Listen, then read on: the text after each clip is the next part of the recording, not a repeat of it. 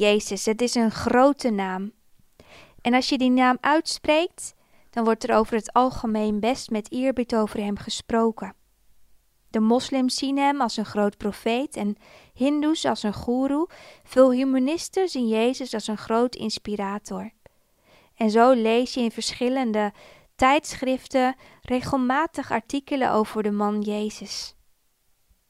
Wat mij wel opvalt is dat wij Jezus in deze tijd proberen aanvaardbaar te maken voor de tijd waarin wij nu leven.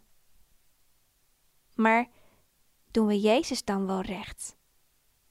Als we Jezus aanvaardbaar maken voor deze tijd, maken we hem dan ook niet direct kleiner?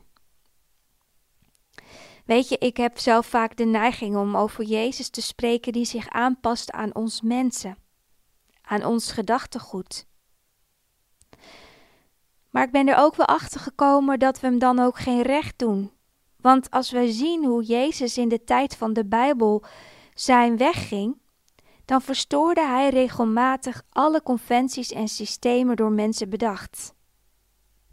En oh ja, we mogen spreken over een man die mensen beter maakt, die liefdevol is.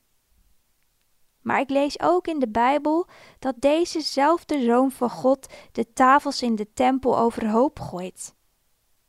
Hij is ook niet als een politicus die een hoop beloften doet en mensen naar de mond praat zodat hij zichzelf populair maakt. Jezus. Wie is hij? Hij is iemand die maaltijd viert met vrouw Duurs, die hoeren beschermt en kinderen naar zich toetrekt. Hij geneest zieken en zorgt er zelfs voor dat een bruiloft niet in het water valt wanneer de wijn op is. Maar er zit ook een andere kant aan deze man.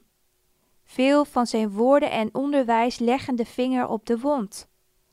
En regelmatig hoor je als het ware de mensen slikken. Hij durft alles bij zijn naam te noemen. En juist daarom is deze man zo bekend geworden. Juist daarom heeft deze rabbi zoveel volgelingen, maar ook genoeg vijanden gekregen.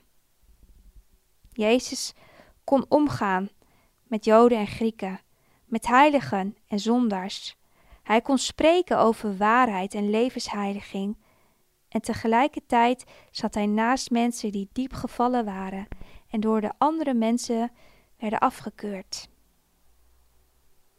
Kunnen wij Jezus aanvaardbaar maken in deze tijd? Ik ben soms wel eens bezorgd dat wij Jezus willen laten passen in ons denken.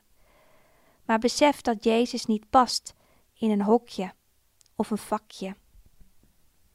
Vandaag de dag hebben veel mensen een beeld van God. Zo hoor je nog wel eens dat God alleen liefde is. Of dat God een oordelende God is.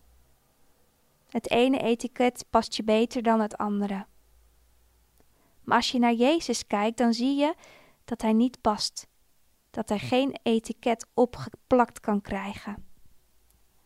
Probeer hem daarom ook niet te stoppen in een hokje of een vakje. Maar let vooral op hoe deze man zich beweegt, hoe hij luistert, hoe hij spreekt. In de volgende overdenking wil ik verder met je stilstaan bij Jezus.